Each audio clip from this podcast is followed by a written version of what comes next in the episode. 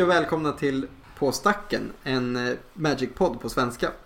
Precis. Kanske den enda, kanske den bästa. Oavsett vad så är det här inte något mindre än det allra första avsnittet. Av, eh, precis som du säger, På stacken. Och eh, vad är det här för någonting och vilka är vi?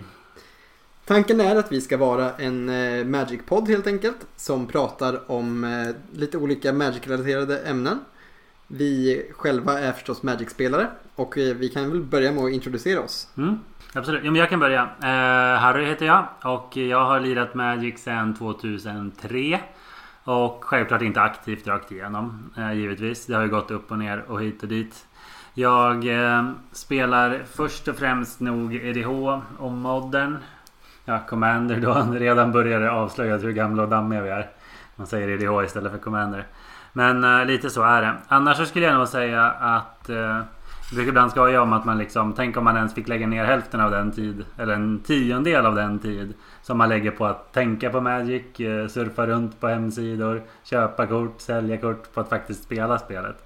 Men det tror jag inte att jag är ensam om nu för tiden.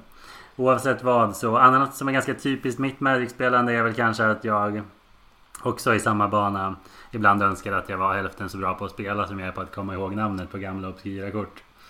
Eh, så det är väl lite min melodi. Men eh, ja, Magic är verkligen en, en stor del av mitt liv och en, en plats där jag verkligen känner ja, men trygghet och eh, glädje. Och det är dessutom någonting som har lett till att jag har fått och behållit många kompisar också. Yes. Jag heter Edvard. Jag driver en liten spelbutik i Eskilstuna och därigenom får jag ut eh, det mesta av mitt Magic-liv skulle jag säga.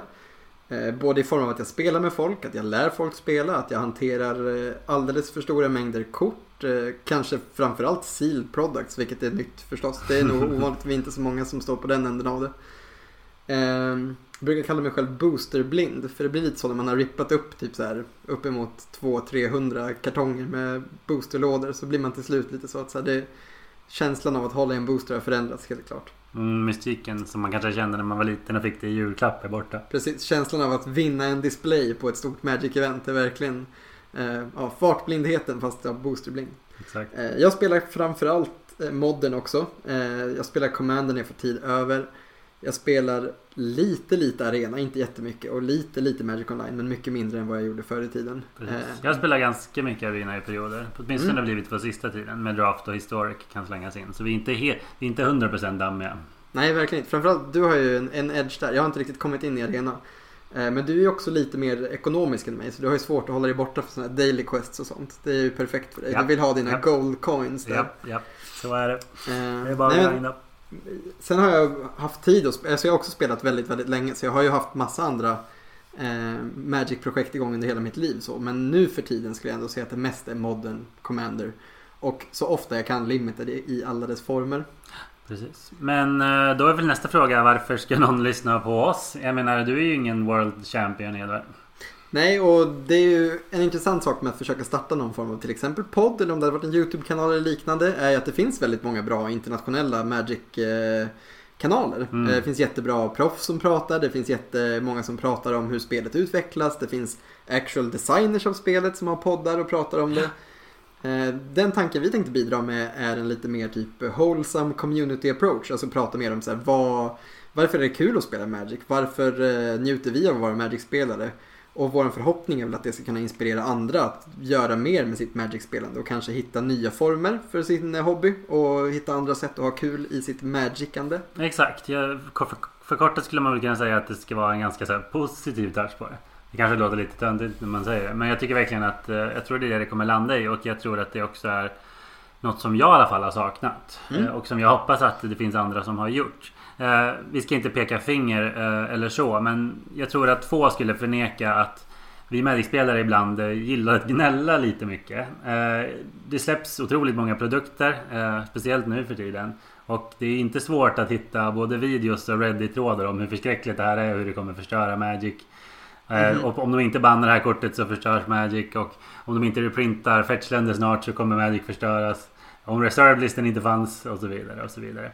Eh, Och vi håller säkert med många av de takesen. Men vi, vi känner att där i alla fall är det nog mättat, eller hur? Precis, och jag tror att det du sa om att vi kanske inte är World Champions. Däremot så skulle jag kunna säga att vi är i alla fall väldigt bra på att ha kul. Och vi är väldigt bra på att njuta av vårt Magic-spelande.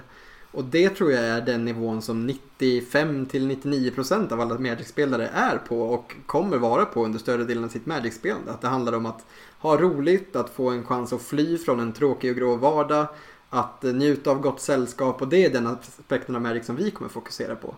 Så vi kommer inte kunna säga liksom det hetaste first picket i draft kanske i det kommande Magic-sättet och vi kanske inte kommer vara de som kan säga typ den här modern-leken behövs för att bryta metat. Eh, däremot kanske vi kan säga typ det här är de första stegen du bör ta för att komma in i Constructed Magic. Det här var hur vi gjorde. Eh, vi kommer passa på att bjuda in folk som vi vet har intressanta saker att säga om Magic. Vi kanske bjuder in någon som älskar att prata om Chaos Draft eller någon som älskar att prata om hur man bygger den perfekta kuben eller andra saker som vi tror kan vara av intresse för den allmänna Magic-spelaren. Visst är det så. Och med allt det jag sagt så skulle jag väl... Ska man inte sälja sig själv för kort heller. Alltså obviously så är vi ganska bra på spelet för att vi spelat så länge. Mm. Så det måste man verkligen säga. Men det är den här klassiska saken att när du har blivit tillräckligt bra på något för att förstå att du inte är jättebra på det. det vi är ju båda precis on spot där. Alltså vi, är, vi är precis tillräckligt bra för att förstå att vi inte kommer dag tre, några stora turneringar. Vi kommer liksom aldrig kvala in till en Pro Tour och vi har släppt de drömmarna nästan helt. Förlåt, jag måste väl erkänna att det finns någon del av en som tänker att det kanske går. Eh, men när man börjar förlora mot så här mycket yngre spelare på Magic-turneringar så inser man ju att så här, jag, mina, mina bästa dagar är förbi. Absolut. Ja. Exakt, så förutom det. Ni som lyssnar kommer också få vad jag skulle säga är en rätt unik inblick i hur det är att vara butiksägare. För att eh, du Edvard är ju trots allt eh, ägare i butiken Spelfaktoriet som du sa. Och jag är ju lite delaktig också. Jag bor inte i Eskilstuna så jag kan inte hjälpa till så mycket som jag hade önskat. Nej. Eh, så det är ju en grej. Det är och, sant. Ja. Det kommer väl ha, det kommer nog säkert färga vår, vår approach lite. Och det kommer nog inte vara några stora revelations. Men, men absolut att det kommer nämnas saker som, eh, som från det perspektivet. Absolut, det tror jag. Eh, och annars kan ni nog räkna med ganska mycket nostalgi över gamla fula kort och gamla draftupplevelser eller lekar som var populära back in the day. Med risk, så, med risk för att skrämma bort rimliga människor nu så kan vi ju säga att vi har varit oroliga för att det ska bli en alltför kufig podd där vi råkar gräva ner oss för mycket i så gamla nostalgia-grejer och sånt. Men jag har också en teori om att många tycker att det är intressant. Alltså att en del av det man fastnar för här i spelet är just djupet och bredden. Och vi kommer komma in på det senare i det här avsnittet också. Ja, men, precis. Eh, men, så jag är inte jätterädd för det. Men det kommer bli mycket, mycket nörderier. Och vi hoppas att ni förstår att det här är en, en nördig jävla podd. Exakt, exakt. Det, Ja, nej men verkligen. Jag nämnde det till några som inte alls spelar Magic för ett tag sedan att jag och en kompis hade det här på G. Och det, första, det enda de kan säga är herregud vad nördigt. De tror ju också någonstans att det är, vi är den första som fått idén att göra ett Magic-podd. Så om de bara visste ja. hur mycket vi Magic-spelare gillar Magic. Vi är inte de första eller de sista som gör det här. Men med det sagt så tror jag att det är dags att röra sig in i själva avsnittet. Precis. Um, vårt upplägg är att vi kommer börja ofta med att prata lite om oss själva eller någonting som händer för oss i eh, vårt Magic-spelande just nu. Vad som, ja exakt, vad man har hållit på med eller vad som hänt i Magic-världen sen sist. Även om, Precis. Ja. Och det är det vi har gjort nu. Vi har pratat lite om oss själva. Det får ta upp den delen av det här avsnittet. Och istället så kommer vi gå in nu på veckans tema som kommer vara återkommande. Ja men visst. Eh, och veckans tema den här gången är Vad är det som är så kul med Magic?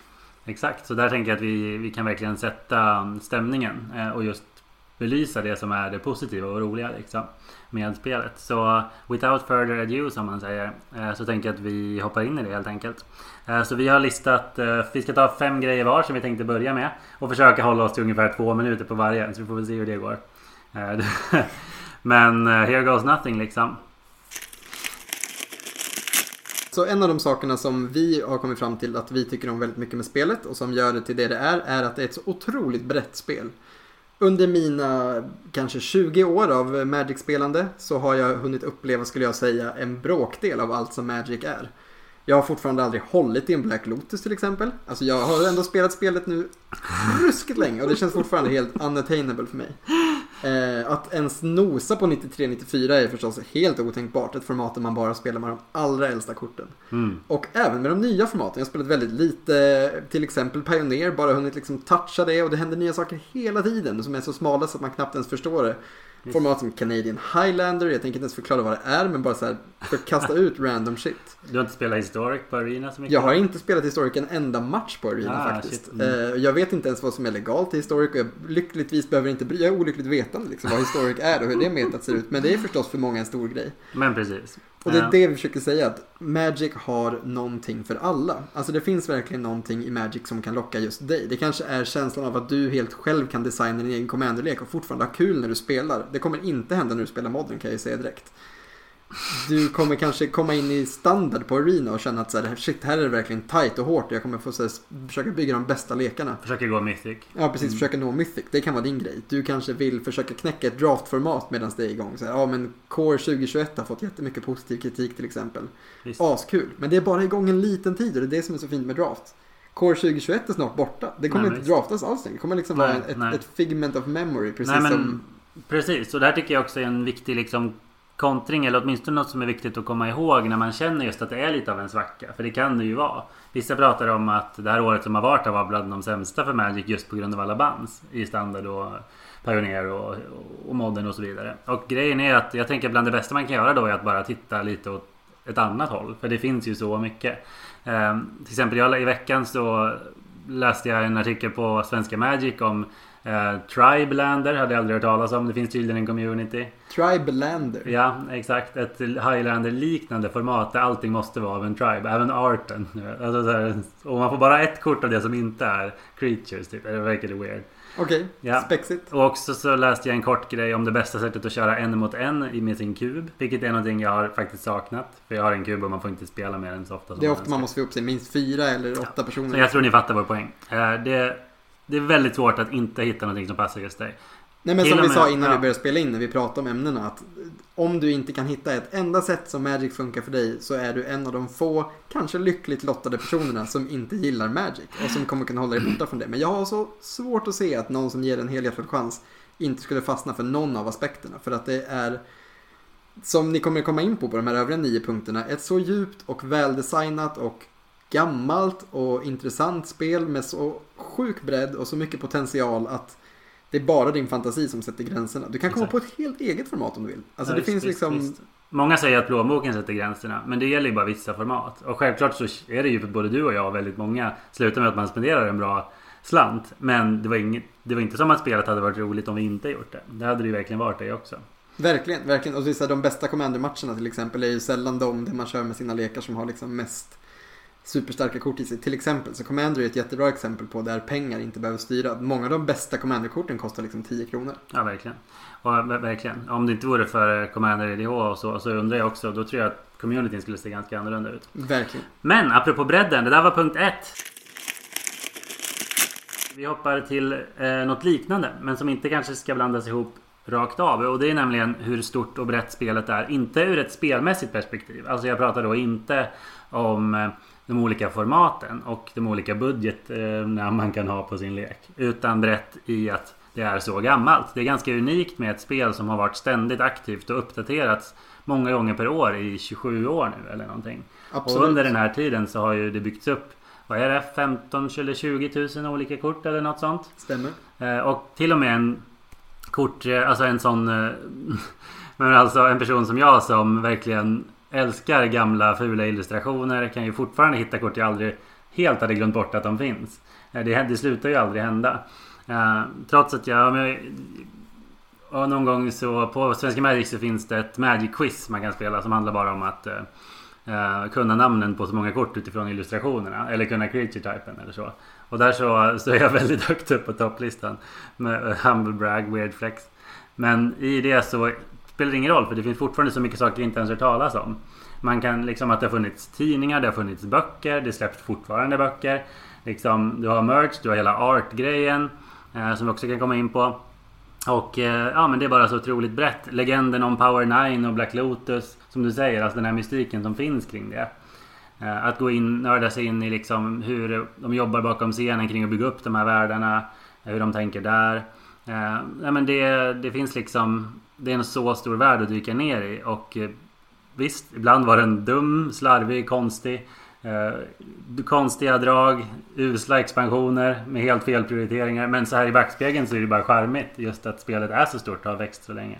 Jo men verkligen. Och det känns som att en av fascinationerna med spel när man kommer i kontakt med det. Att du kanske kommer in i det, det har precis kommit ett nytt sätt. Det är så du kommer in i spelet, du ser det här. Du börjar söka kanske på någonting. Du får, får före bygga en commander-lek på en creature type. Du brukar ha så här, ja men vilka Goblins finns det? Mm. Slår upp Goblins på någon av de alla olika sidorna där du kan göra det så inser du att herregud, det finns så många Goblins här att jag liksom inte ens... Jag, kommer, jag behöver bara en tiondel av de här för att bygga min lek. Ja. Och det djupet skapar ju förstås, som du pratar om, den här mystiken. Eller känslan av att det här spelet är mycket större än vad jag kommer kunna greppa på väldigt lång tid. Alltså Visst. det är en upptäcktsresa. Väldigt, det är fortfarande en upptäcktsresa för oss liksom, Ja, i vårat spelande. Och det är ju förstås en jättestark dragningskraft. Alltså att få vara med och, och alltså att upptäcka någonting. Eh, och det, som du säger, det är väldigt få som, spel som har den, eh, alltså, En så bred historia som bara. har en så djup historia, som Ja. har varit aktiva så länge och haft så högt produktionsvärde så länge. Det är typ Magic, Warhammer, inte många andra. Ja, nej, det får ni göra. Rätta oss gärna i kommentarsfältet så att säga. Men eh, jag kan inte komma på så mycket. Men precis. Och om de finns kan jag lova att de inte är lika bra. Exakt. Eh, Visst är det så. Men eh, vi kan hoppa vidare till eh, mer om just eh, designen på spelet kanske. Eh, Och där så skulle jag vilja slå ett slag för de fem färgerna. Alltså en idé som har varit i kärnan av Magic sen det började och som egentligen aldrig har ändrats. Colorless is not the color, även om det finns Eldrazi som vill påstå motsatsen. Eh, så har vi ändå de här fem färgerna som alltid varit det spelet kretsar kring. Eh, och det är en briljant jävla idé helt enkelt. Det är ett väldigt starkt koncept. Det är ofta så när det kommer in en kund i butiken till exempel att det första de frågar är typ så här, ja men eh, eh, vilken färg ska jag börja med? Alltså att det är en så himla tidig fråga typ, okej men jag har hört att det finns färger i Magic, vilken färg ska jag börja med? Så får man liksom försöka förklara på ett sätt så att folk förstår att ska du spela blå så ska du tycka om att hålla på med tricks och lurendrejeri. Mm. Är du röd så är ditt mål att bara försöka vara snabbare än din motståndare Mm. och så vidare. Det är väldigt, eh, ett väldigt kärnfullt sätt att förklara spelet på. Exakt, och de allra flesta människor kommer ju dras till en av färgerna. Och om det inte är på grund av det du sa, alltså hur de spelar, så kanske de dras till eh, arten. Eller så här att, aha, det här liksom, man ser en cool bild med någon som brinner. Ja, men det här är fan nice. Det här, det här triggar mig på något sätt. Eller, Mm. eller någon älskar natur och skogen och ser någon, eh, någon stor hydra liksom, eller något sånt. Eller bara väldigt vacker skog och bara, men här vill jag vara. Och sen så dras man in i det liksom. Verkligen. Så det, det tror jag är en stark grej av det. Tidigare så i Magics historia så hade de en väldigt, väldigt stor grej det här med fiende och vänfärger. Och även om det inte är lika centralt nu så är det också en spännande, eh, spännande grej helt enkelt. Verkligen. Sen har vi hela grejen med Color Pien. Att färgerna, även om det har slarvats med det och vissa tycker inte det är lika viktigt som andra. Så finns det ändå en tydlig idé vad de olika färgerna ska få göra. Hur de kompletterar varandra. Till exempel att eh, men så självklara saker som att eh, svart inte får förstöra enchantments. Det var inte så självklart egentligen. Det är ganska weird. Men det får de inte göra i alla fall. Nej, precis. Och aldrig gjort. Eh, förutom- Vita, monovita creatures har inte death touch. Nej men precis. Eller att eh, eh, rött inte kontrar spells. Förutom kanske några gamla som skiter i det. Men det finns alltid gamla undantag. Det finns alltid något kort från, från de första generationerna som skiter i det här. Men nu är det tanken i alla fall. Eh, eller så. Och som, vilket de, de såklart också breddar. Men, men, men det finns en logik och när man ser den så är den väldigt elegant. Så kan man säga. Eh, apropå färgerna. Så, tänkte, så vi hörde jag att du ville prata lite om eh, mana-systemet. Vilket är rätt unikt och lite av en vattendelare. Alltså, precis, det här är våran, en av våra age old. Harry och jag har bråkat mycket om huruvida mulligans ska vara en stor grej av spelet. Alltså snällare mulligans. Mm. Eh, eller inte. Eh, jag har alltid varit en sån här konservativ person som vill ha den här Alltså så hårda mulligans som möjligt liksom. Och du vill ha mulligan. Alfa-mulliganen vill du inte ha. Nej okej, men jag, jag var väldigt nöjd med den där man bara slängde sin hand på, och blandade in den och sen drog sex istället för sju. Och inte vad fick scrya. Inte fick Scrya, inte fick som det är nu, Ja, ja, ni vet alla, London Mulligan och så vidare. Eh, poängen här i alla fall eh, är manasystemet som också är väldigt omdiskuterat. Som många andra kortspel förstås inte har, utan det är det som gör Magic till det det är. Att eh, du i, i spelet kan teoretiskt sett bara bli käftad. Alltså du kan ha otur och dra fel mana. Eh, och det låter ju som så här, var, varför skulle det vara en av de nice sakerna med Magic? Men för mig så är det en av de nice sakerna med Magic. För jag vet att när jag sätter mig ner för att spela så finns det en chans att jag vinner även en väldigt dålig matchup. För att min motståndare kan ha otur. Och som sagt, det kan låta som en konstig typ styrka i ett spel. Men den här dynamiken som det skapar. Alltså att du måste liksom tänka in det. Och för, alltså tänka på, ska jag hålla den här handen? Det är lite svårt med manan. Skapar en aspekt i spelet som gör det väldigt strategiskt och väldigt eh, matematiskt intressant. Och det skapar som sagt den här känslan att det finns alltid en poäng med att spela. För du vet inte vad som kommer hända. Visst är det så. Men också tror jag att eh, man heller inte ska underskatta hur det påverkar lekbyggandet. Alltså, jag tycker det är någonting väldigt, väldigt så här, sm- smart och eh, Uh, liksom, ja, det, det, är bara någonting väldigt smart och uh, smidigt och bara väldigt snyggt i idén om att så här, och för, det är också logiskt att förklara. Du kan köra en färg och då kommer du ha mindre mana-problem. Du kan bara köra billiga basländer som alltid kommer in upptappade och ger dig all den mana du behöver. Eller så kan du köra två eller tre eller fyra. Men för varje färg du lägger till så, ger det, så sträcker det på leken och gör mm. leken svårare att få ihop.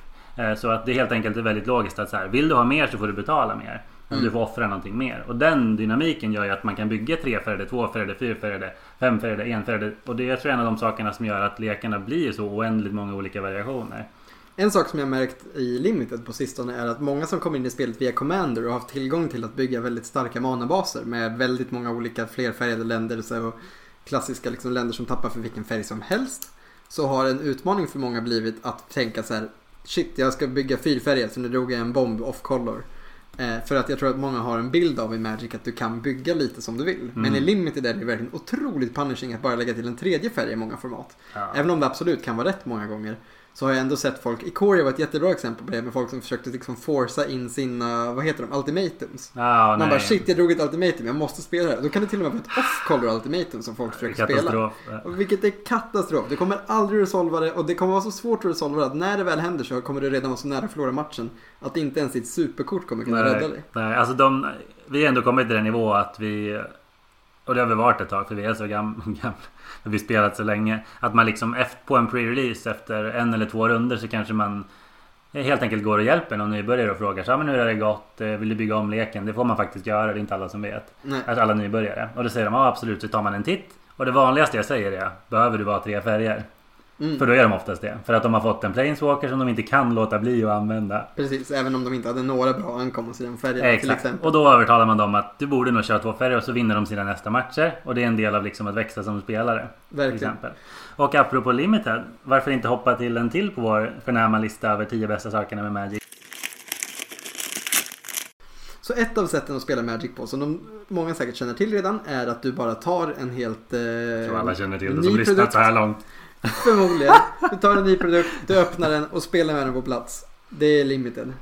Eh, ofta involverar det ett litet lekbyggelement och för mig så är det här på något sätt den högsta formen av kompetitiv magic. Många skulle nog mena att det är constructed. Eh, men jag menar att så här, det, i det här, här stadiet så är det bara våra olika förutsättningar som spelare som kommer att bestämma vem som har bäst chans att vinna från början. Tills paxen öppnade och du drog en bomb förstås. Alltså det jag förstår att det är en grej.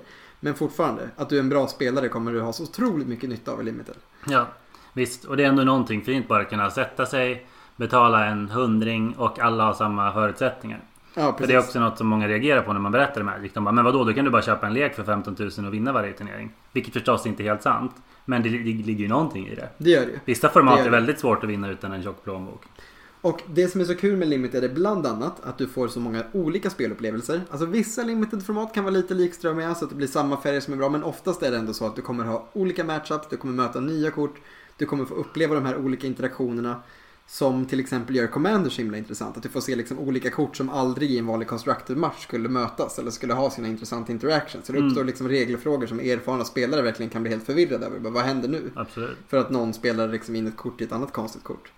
Och det skulle jag säga är liksom det som gör Limited så vackert. Att du får hela tiden uppleva nya interactions med dina kort. Och kort som du kanske aldrig skulle spelat med i standard. Mm. Uh, oh ja, oh ja. När du öppnar en booster för att öppna en booster bara för skojs skull så kommer du liksom slänga 12 av 15 kort. Men i Limited så kommer 10 av korten kanske hamna i din lek. Ja. Och det är någonting för mig också kul att se alla kort användas.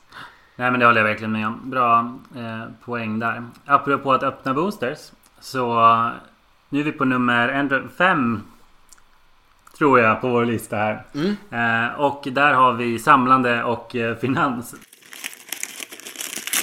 Magic är ju trots allt ett samlarkortspel. Och very, very basic trivia. Det är det första samlarkortspelet. Eh, och hela idén med att, att det funkar på det sättet. Alltså att du inte kommer, du sätter inte ner som ett vanligt brädspel. Och eh, plockar upp korten, man blandar leken, alla får varsina kort. Om du spelar ett kortspel eller om du spelar ett brädspel så har monopol är monopol. Du väljer din pjäs och sen så spelar du. Men i Magic så kommer du oftast dit med korten du har samlat på dig. Mm. Eh, Eller och, korten som du köper på plats och tar med dig hem. Just dina kort. Liksom. Exakt, exakt. Och samlande är ju, handlar ju delvis som jag sa om att bygga lekar. Men för många personer eh, så handlar det ju om bara själva the thrill of eh, collecting liksom. Och det här är ju, det är ju väldigt, något väldigt mänskligt och väldigt beroendeframkallande såklart.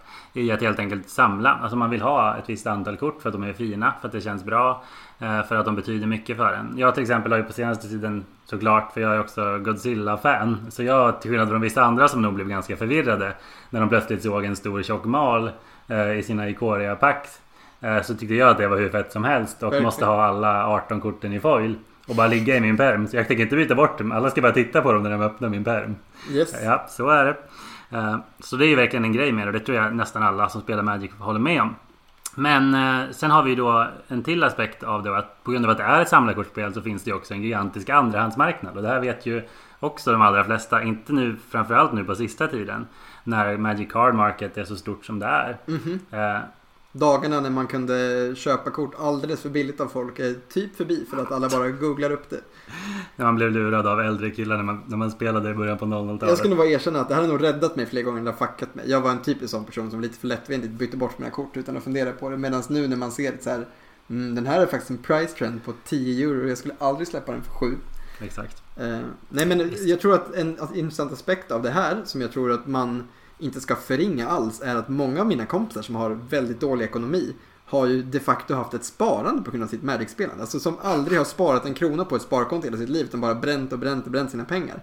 Men Magic har varit en, ett sätt att alltså, skicka in sina pengar i någonting där pengarna, alltså värdet består i korten. Eller kanske till och med ökar ofta har det mm. gjort. Mm. Mm. Och det tror jag inte är helt värdelöst. Alltså, jag tror att det har betytt mycket för folk i perioder att kunna sälja av några dyra kort i sin samling och kunna överleva. Visst, visst. Med folk som kanske annars aldrig hade haft den typen av ägodelar som ja. är lätta att liksom... Nej men verkligen. Och självklart finns det en ocharmig sida av det här. Ingen gillar ju the greed monsters. Alltså personer som, som kallas liksom speculators. Som ja, köper precis. upp, som har väldigt mycket pengar och köper upp stora The samlingar. Wales. Ja, det, men nej, Wales är inte, det är inte exakt samma sak.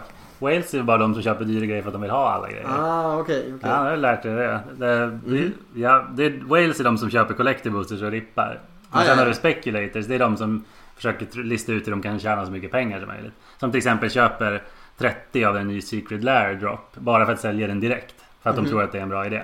Eller som köper 100 masterslådor och lägger dem på vinden och hoppas att de ska gå upp i pris. Eller ja. räknar med att de ska gå upp i pris. Exakt. Och den biten är kanske inte så charmig. Jag kan hålla på lite så ibland och vara inte så bra på det som jag önskar. Eh, men med det sagt så finns det ju en trygghet i som du säger att kunna casha ut. Och det kan man ju inte i många hobbys. Eh, Nej. Jag menar om du har spelat ishockey hela livet och betalat medlemsavgifter och Du köpt... kan inte sälja ditt pungskydd. Nej, liksom. ingen vill ha ditt Om jävla... du inte råkar börja spela för NHL. Exakt, och bara använd pungskydd av den legendariska spelaren liksom. Troligtvis Men, inte. Nej, troligtvis inte så kommer medlemsavgifterna och pungskydden inte vara värda ett shit i efterhand. Som multinörd så kan jag säga att det här är 100% sant. Min Warhammer-samling som jag har lagt minst lika mycket pengar på som jag lagt på Magic. Har du så lagt så mycket? Ja, det är snuskigt mycket pengar. Vi ska inte prata om det för det här är inte en Warhammer-podd. Det behövs kanske en egen podd för det någon gång. Men det är inte värt, det är värt ungefär hälften av inköpspriset idag. Ja, och det är inte sant för mina Magic-kort. Inte på något sätt. Nej, visst. Ja, det är bra. Eh, jag tänker att därifrån så kan vi ta ett eh, hopp till eh, produkter på ett annat sätt. Nämligen att det alltid händer någonting i Magic. Ja, en av de sakerna som är både kul och kanske ibland lite obehagligt med Magic är att spelet förändras. Eh, den obehagliga aspekten av det, om vi börjar med det dåliga, är att du kanske vill ge dig in i ett format som Legacy för att du var van med tanken på att det är ett format som inte förändras så mycket och du köper en dyr lek. Eh, helt plötsligt så har även Legacy börjat förändras för att korten som kommer i standard nu för tiden är så otroligt starka. Till och med Legacy warpas runt kort som Teferi Time Raveler, som kort som eh, Veil of Summer och Oko och så vidare. Kort som inte, inte funkar i något format i Magic. Visst, eh, men det är också en av sakerna som är så nice med Magic. Att du kan liksom, du måste vara on your toes. Är du inte en spelare som är med i spelet så kommer du fall behind. Alltså du kommer tappa. Eh, vissa saker är förstås alltid en fördel. Du kan spelets grundmekanismer och sånt. Men det är ett ständigt förändrande spel och det är i högsta grad någonting positivt. För att du det kommer aldrig att ha tråkigt. Det kommer alltid upptäckas nya sätt att spela Magic på.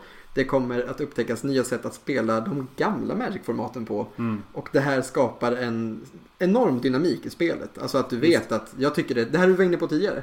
Det, det, vi är inne i en eh, slope kanske nu, eller tycker vissa. Då vet du att ja, men om ett halvår kommer spelet vara på något annat ställe. Kanske ett bättre ställe. Ja, men, men verkligen. verkligen. Och eh, att det alltid bara finns något att prata om liksom. Det är en grej. Alltså det blir ju just, det är aldrig dött i spelet på grund mm. av de här ständiga släppen. Sen återigen, man kan absolut kritisera vissa delar. Alltså VIP, mm, Double Masters, pack det är ju någonting väldigt vulgärt över dem som är svårt att gilla liksom. Absolut, även om det är så att du får någonting väldigt eh, maxat i dem. Alltså att de Självklart. faktiskt till viss del matchar det höga priset. Så är det fortfarande någonting sjukt när man berättar för någon som inte visste om det. Som hände mig till exempel igår när jag träffade en Magic-kompis.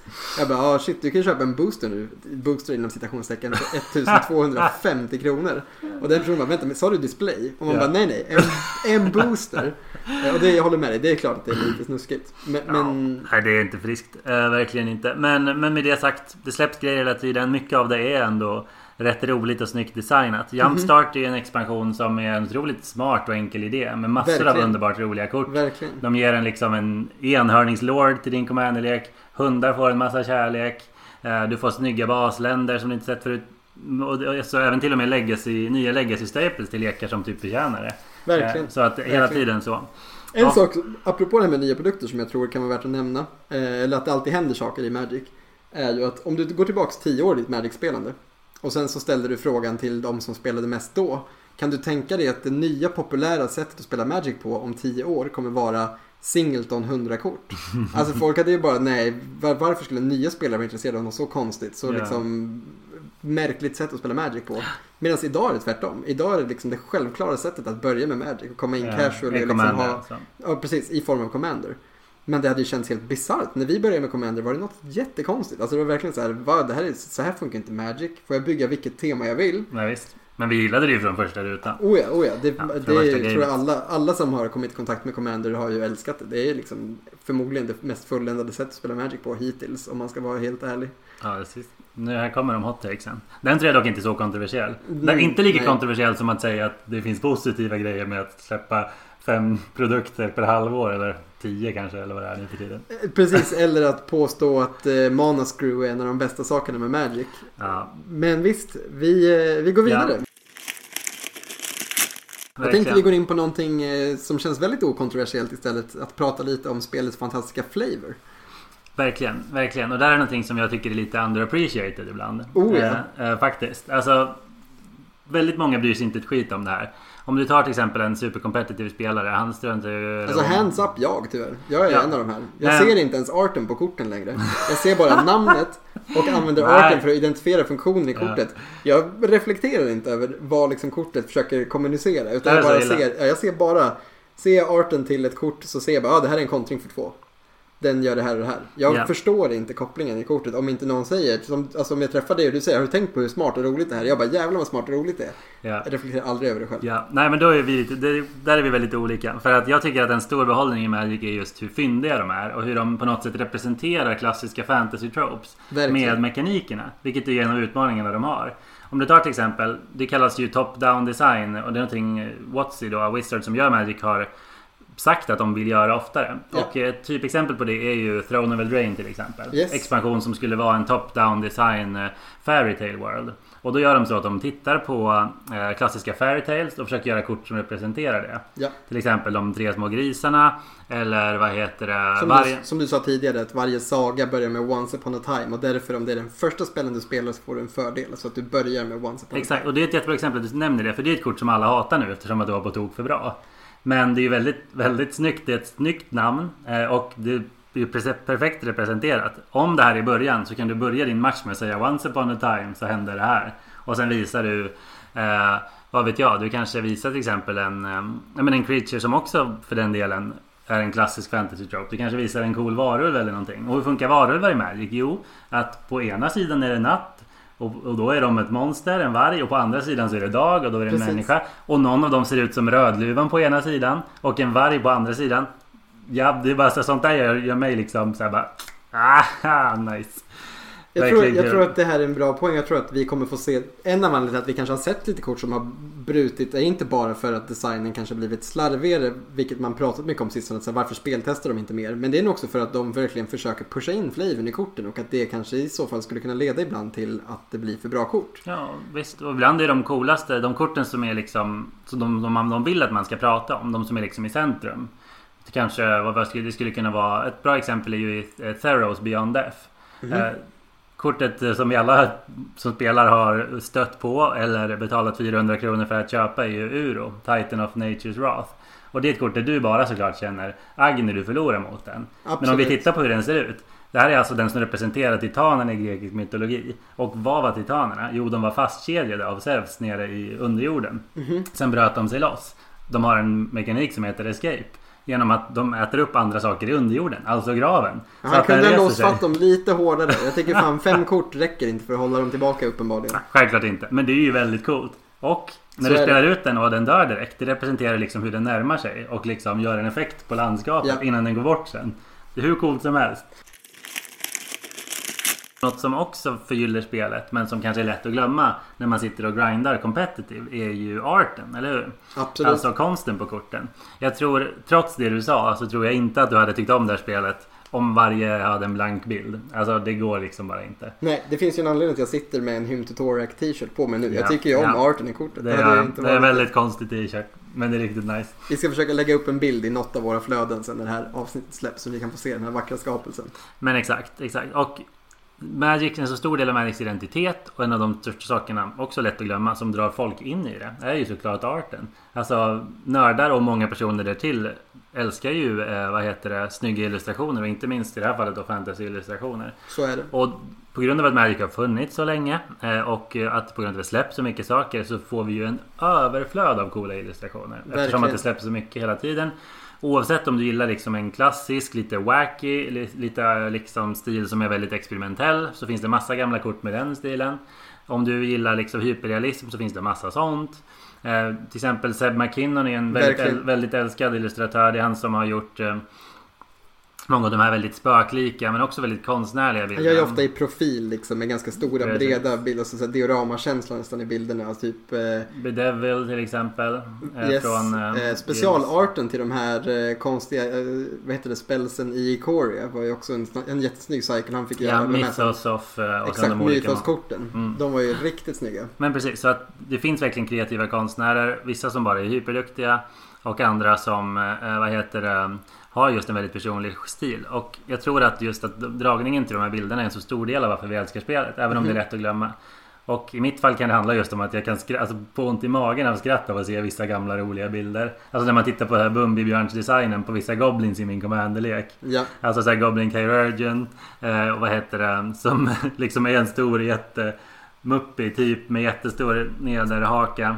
Och eh, jättestort underbett eh, den som är- liksom sågar itu andra Goblins.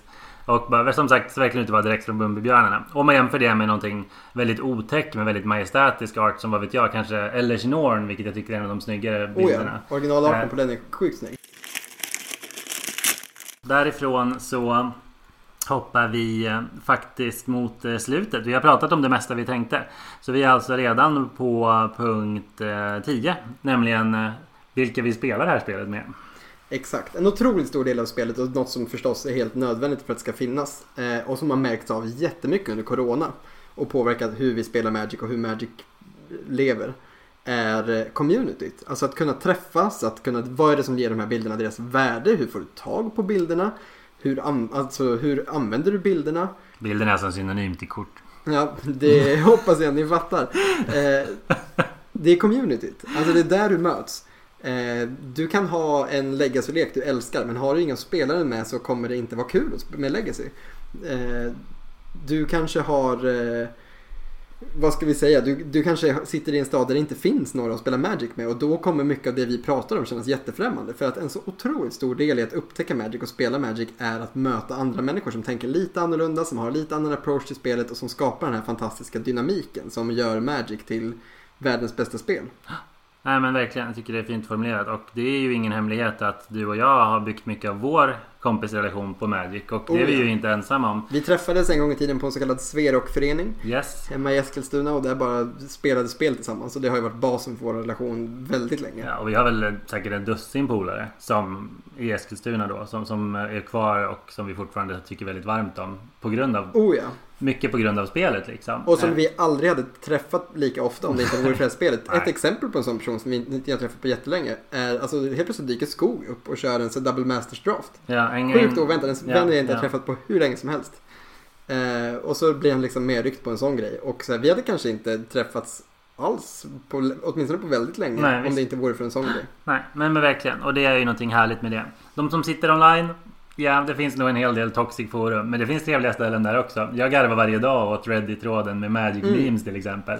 Verkligen. Där är det väldigt, där är det bara så här tokig och dum stämning och att det verkligen är humor som går före allt liksom. Yes. Eh, och det är väldigt härligt det också. Och det finns ju små, små forum och grupper för liksom entusiaster. Till exempel Premodern som är ett format som vi kommer försöka ta upp någon gång och prata lite om. Oh yes, nu blir det, Eh. nu blir det nostalgiska gubbarna här. Men, men det finns en grupp för det på Facebook, en premodern grupp. Och där är det jätteroligt för där lägger folk väldigt ofta, ofta upp bilder på sina leklistor. Det är kul att se hur så här extremt positiva reaktioner det blir när folk lägger upp alla de här old border-korten. Eh, och ber om typ så här tips till sin lek. Men det enda de får är massa beröm på hur fina gamla kort de har. Liksom. Alla bara nice. Ja precis, bara shit Nice. vilka coola foilade vad heter det, fetchlands du har där. Från Onslaught såklart. Ja självklart, du får inte spela med de andra. Det vore ju... Mm. Ja, men det är en härlig, härlig slut på det. Och jag kan säga att på grund av att den här communityn kanske är så härlig och för att det är så roligt att prata om det här spelet. Så kan det leda till delvis att man eh, går och startar en Magic-podd. Med en av sina äldre polare.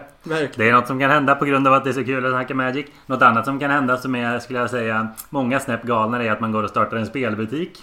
2018. Som till exempel du har gjort. Eh, Alltså, jag Tillsammans med de här kompisarna som jag nämnde. Om jag fick en krona för varje det kom in och frågade om vi sålde tv-spel och jag tänker nej, vi säljer bara analoga spel här. Vi går bakåt i tiden. Japp, med andra ord, Magic är en rätt stor del av våra liv och nu är det också en podd. Och vi hoppas verkligen att ni vill följa med på den här eh, spattiga, lite vad heter det, randomiserade men vi har förhoppningsvis väldigt charmiga resan som det innebär. Tanken är att det ska vara ett gött kött som ni kan sätta igång när ni känner för det och bara låta liksom Magic ta över era tankar ett tag. Och som förhoppningsvis sätter igång liksom inspirerande processer hos er och där ni kan eh, få ert spelande att växa på något sätt. Tack vare att vi kanske pratar om någonting intressant, pratar om någonting som eh, kan utveckla ert Magic-spelande på något sätt. Japp. Eller så lyssnar ni bara för att få tips på vilka väldigt underplayed, väldigt fula gamla kort ni borde lägga in i EDH-lekar. Och innan vi tackar för oss eh, så tänkte vi snabbt kuta igenom ett återkommande inslag som vi har sett framför oss i podden. Jajamän. Nämligen segmentet Show and Tell.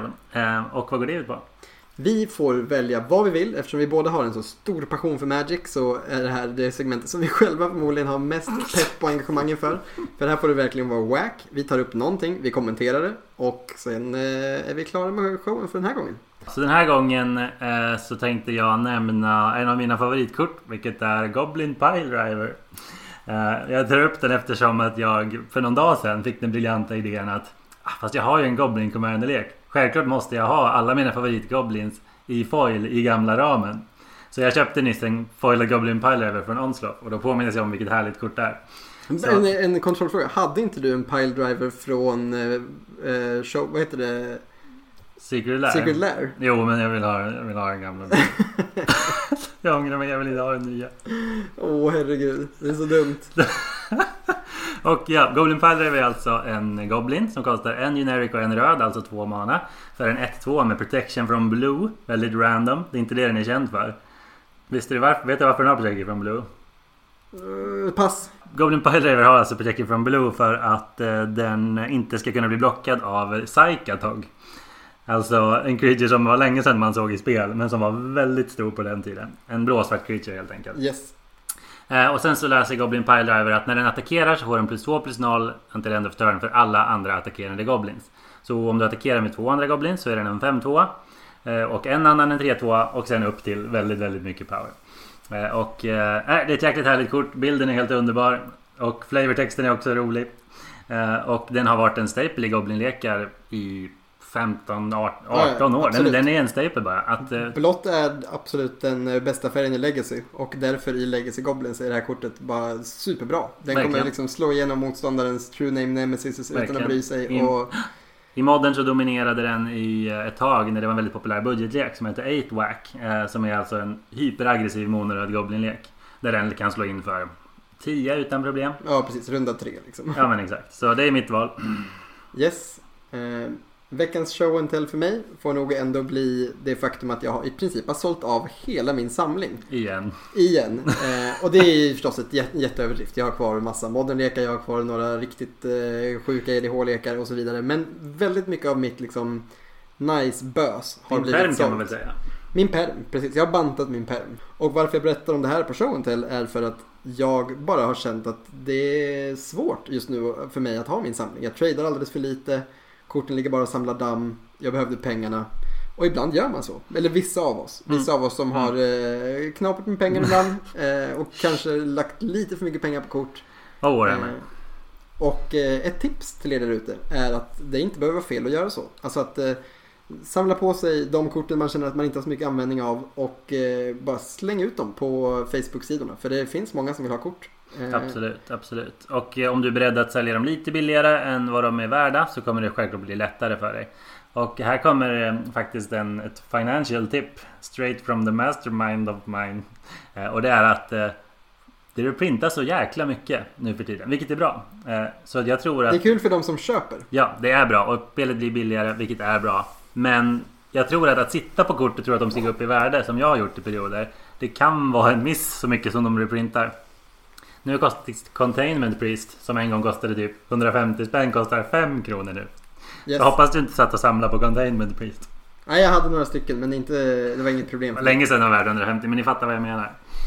Ja, och det, tyvärr så är ju sanningen också den att väldigt mycket av de här pengarna jag har fått in på det här kommer gå till att göra om min moddenlek utan att sälja något av de andra moddenkorten för att jag vill ha kvar dem ifall att Blue Moon skulle ha liksom en ny eh, eh, storhetstid i framtiden. Jag är inte rädd att, beredd att släppa den kärleken. Men, eh, så jag kommer Ja. behöva skaffa massa UV-kort nu istället för säkert minst hälften av pengarna jag fått in.